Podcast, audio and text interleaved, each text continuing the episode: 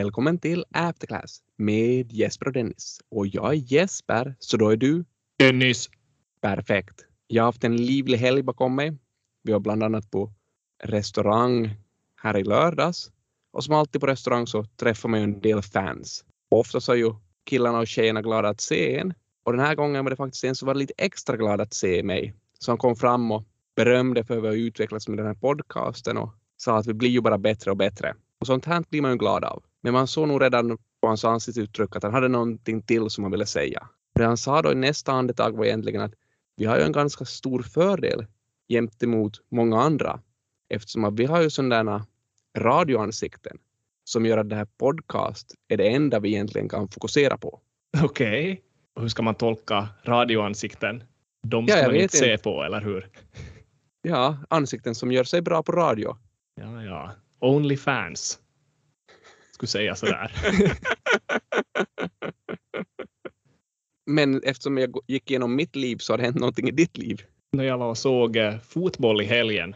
AC Oulu var i Vasa och kryssade mot VPS på Elisa stadion. Jag tycker sådär i efterhand nu att den här sponsorgrejen löste ju sig rätt bra för oss just med det här AC Oulu. Att vi, vi fick ju det här afterclass dit nästan gratis. Ja, men, men så är det väl. Afterclass Oulu. Och det spelas på Elisa stadion. Vad finns det för kuriosa här då? En av de stora sponsorerna av oss, AC Oulu, OTC, var med och hjälpte Elisa till ta över det här Vasa Seinäjoki telefonbolaget Anvia back in the day. Men jag vet inte. Kanske vi lämnar det där. Ja, det är svårt att spinna vidare. Men, men, en annan sak som jag har med mig, troligen i kroppen ännu, så är det här ökända noroviruset. Har du hört om det? Ja, med fasa. Ja, det tänkte faktiskt bli en faktor som fick AC på fall den här veckan. Men vi klarade oss den här gången, så vi kan spela in. Förutom det som har hänt med oss har det ju hänt mycket i den här finansiella världen också. Jag menar, vi måste ju prata om Elon Musk. Ja, det är must, man måste säga. Ja, eftersom vi måste prata om honom. Och det är ganska länge sedan vi har nämnt honom också. Men nu är han på tal igen och jag antar det är Twitter du funderar på. Han slog väl till med 9 procent av aktiestocken där. Ja, och Twitter-aktien rusade ju 27 procent på det här beskedet. Men också så är det ju så att Elon Musk då ställer sig till raden av rika personer som har då valt att köpa in sig i någon typ av mediebolag. Twitter är då kanske det här mediebolaget eller sociala mediebolaget som bäst representerar just Elon Musk, där han är mest känd. Ja, är det lite åsiktsfrihet som man säger att man vill trygga där, men man kan ju lite fundera på vad konsekvensen egentligen är. Någonting annat som Elon var gjorde här i veckan som påverkade oss i Finland var ju det här att han berömde den finländska speltillverkaren Remedy Entertainment för sina Max Payne-spel. För det blev ju känt här i veckan att Remedy Entertainment och Rockstar Games ska göra någon slags remake av Max Payne. Och det här gjorde han ju faktiskt just på Twitter. Ja, han skrev någonting att det är great games, det där. Och det kom en reaktion. Ja, Remedys aktie gick ju upp 4,4 procent på det här, den här informationen, vilket då egentligen visar att Twitter och vad som sägs på Twitter absolut har en effekt på hur investerarna tänker. Och speciellt då vad Elon säger. Egentligen är ju det här inget nytt, men man kanske blir förvånad över att 4,4 procent på ett finländskt spelbolag, det känns nästan li- lite i underkant. Vad skulle det ha borde vara då? Jag vet inte vad det ska borde vara, men det känns som att när Elon säger någonting om någon sån här dålig kryptovaluta eller någon sån shitcoin som Dogecoin så går den kryptovalutan upp med 10-20 procent. Och det innebär ju en värdeökning för Dogecoin på många miljoner euro. Ska man räkna värdeökningen i Remedy efter Elons kommentar så gick värdet på Remedy upp med ungefär 20 miljoner. Vilket förstås är enormt mycket, men vad vet jag. Sen kan det ju vara så att många av Elons följare inte direkt kan gå in och investera i Remedy-aktien eftersom det är svårt för en amerikansk privatperson att just investera kanske i finländska medelstora bolag. Men mycket gratis reklam för det kommande spelet i alla fall. Så det är ju positivt. Ja, för det här är nog bland det absolut viktigaste för spelbolag. Förstås, viktigast är att skapa bra spel, men sen måste de ju ut och marknadsföra spelet via alla möjliga kanaler. säkert online-marknadsföring, men också kanske besöka mässor och sånt för att få, få ut informationen om sina nya spel. Jag såg faktiskt, på tal om det här ämnet, så ett spelbolag i Sverige, Thunderfall Group, jag tror vi har pratat om det tidigare, lite Nintendo-fokuserat. VDn heter Brian. Jag, jag tror det var det här bolaget som börslistades i fjol, kanske kring jul, och så kom med en riktigt, riktigt dålig första kvartalsrapport. Men nu kanske det börjar gå bättre för bolaget. Ja, man visar en rörelsevinst eh, på närmare 200 miljoner svenska kronor, så det är inte så illa.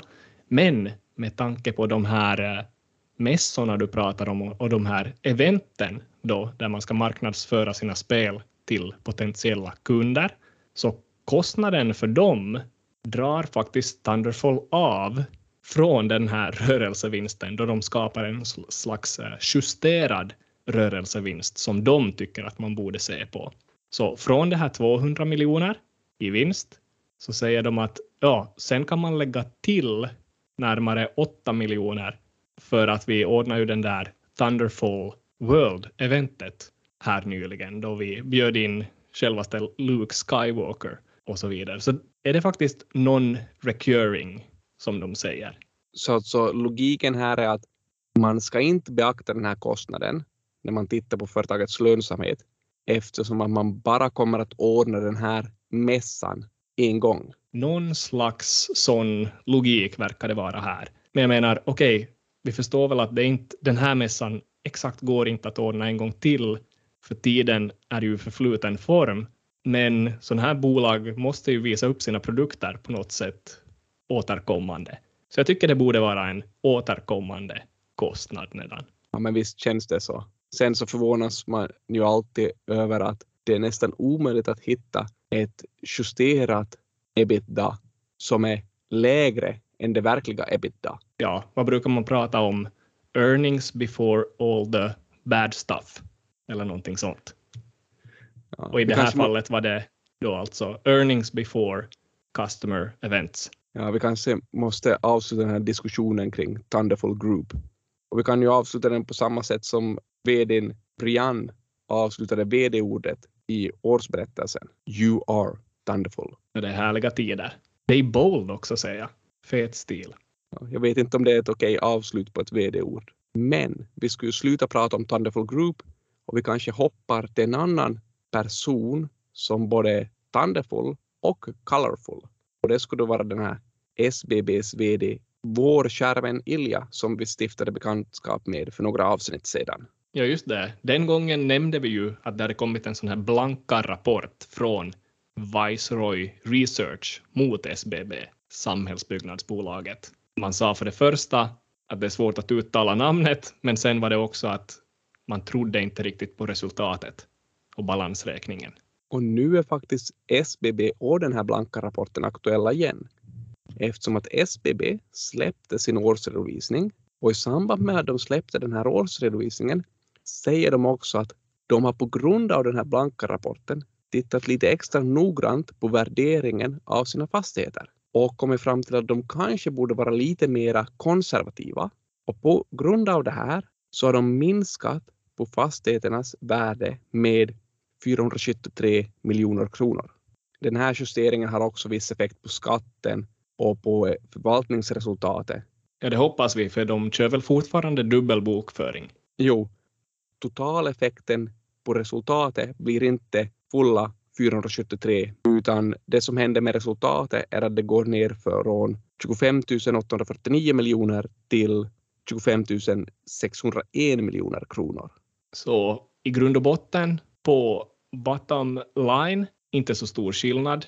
Eller okej, okay, det är många miljoner ändå, men Viceroy säger till och så justerar man. Ska man göra som blankarna säger? Ja, alltså för mig är den här justeringen lite svår att förstå eftersom det känns som den är så liten del av resultatet så att kunde man inte på något sätt ha undvikit den här justeringen. Och ifall man absolut inte kunde undvika den här justeringen så känns det som att mycket av värderingarna på SBBs fastigheter är allt annat än konservativa. Det här vet vi från forskningen också att bolag borde vilja undvika sådana här publika justeringar så långt som möjligt eftersom att sådana här justeringar som då inträffar mellan att man har släppt den här bokslutskommitté-rapporten, alltså Q4, och årsredovisningen och som innebär justeringar för både då 2021 och 2020 resultat är någonting som tenderar att sänka värderingen på bolaget också framledes. Och i det här fallet så justerades alltså resultatet både för 2020 och 2021. Så att utan blanka rapporten hade inget hänt. Ja, exakt så är det. Man funderar hur man ska se på SBB efter det här. Det finns ju ett känt Buffett-citat som går ungefär så här att när de, Buffett och company, söker efter personer som du vill anställa så tittar de på tre kvaliteter. Personerna ska ha integritet, de ska vara intelligenta och de ska ha energi. Men de säger också att om man inte har den här första egenskapen så vill de absolut inte att personerna har de här två andra egenskaperna. För man vill inte ha personer helt enkelt som är intelligenta och har hög energi men som saknar integritet. För jag menar om man har personer utan in integritet så kanske man vill att de ska vara dumma och lata. Går det här att applicera på Ilja nu då eller? Han är väl energisk i alla fall och ganska smart. Ja, så nu är det frågan, hur är det med hans integritet? Men kanske vi inte ska dra för stora växlar bara på grund av det här. För om vi vill hitta någon som saknar integritet så är det väl de här investmentbankirerna som tydligen sätter vad som helst på börsen för tillfället. Och speciellt saker som har gått bra det senaste året eller de senaste två åren. Jag antar att du tänker på någonting speciellt. Ja, det är väl just det här Lifa Air som ska listas på den finländska börsen. Är det till och med så att man har sett det här bolagets logotyp på sistone, eller ska vi säga de sista två åren, lite mer frekvent i samhällsbilden? För de tillverkar väl ansiktsmasker? Det står LIFA på dem, sån här FFP2 och till och med tre masker. Ja, till och med på flyg, flygfältet såg jag sån här ansiktsmaskautomater också. Så det känns ju faktiskt som det här bolaget borde ha gått rätt okej okay 2020 och 2021. Ja, och tittar man på omsättningen det senaste året så var det knappt 18 miljoner med en knappt 6 miljoners ebitda. Och de påstår att de kommer att växa med 25 till 30 procent årligen fram till 2026. Och sen ska ingen ha mask längre. Men det är väl lite just på det här sättet att egentligen så ser det här bolaget väldigt intressant ut. Det har växt väldigt mycket de senaste tre åren. Det växer lönsamt, vilket inte alltid är situationen för de här småbolagen som kommer in på börsen. Så bolagets siffror, så att säga, ser väldigt bra ut. Men trots att bolaget ser intressant ut så tycker jag inte ens att vi behöver fundera på bolagets värdering eftersom vi vet att de här siffrorna som bolaget just nu producerar kommer ganska långt från den här coronapandemin. Och jag har svårt att tro att den här coronapandemin i Norden eller Europa kommer att bli värre de kommande tre, fyra åren. Så det enda vi behöver fundera på är hur källsorterar man dessa maskar? Är det brännbart, återvinningsbart eller någonting annat? Ja, men lite, lite så är det väl. Nej, men det är ju faktiskt som du säger, om jag drar upp det här historiska boksluten för det här bolaget, eller ska vi säga koncernen Lifa Air, före listningen nu då. Så från 2011 till 2019 så pendlar den där omsättningen varje år mellan 2 miljoner och 3 miljoner euro. Sen hände någonting 2020 och vi vet väl alla vad det var.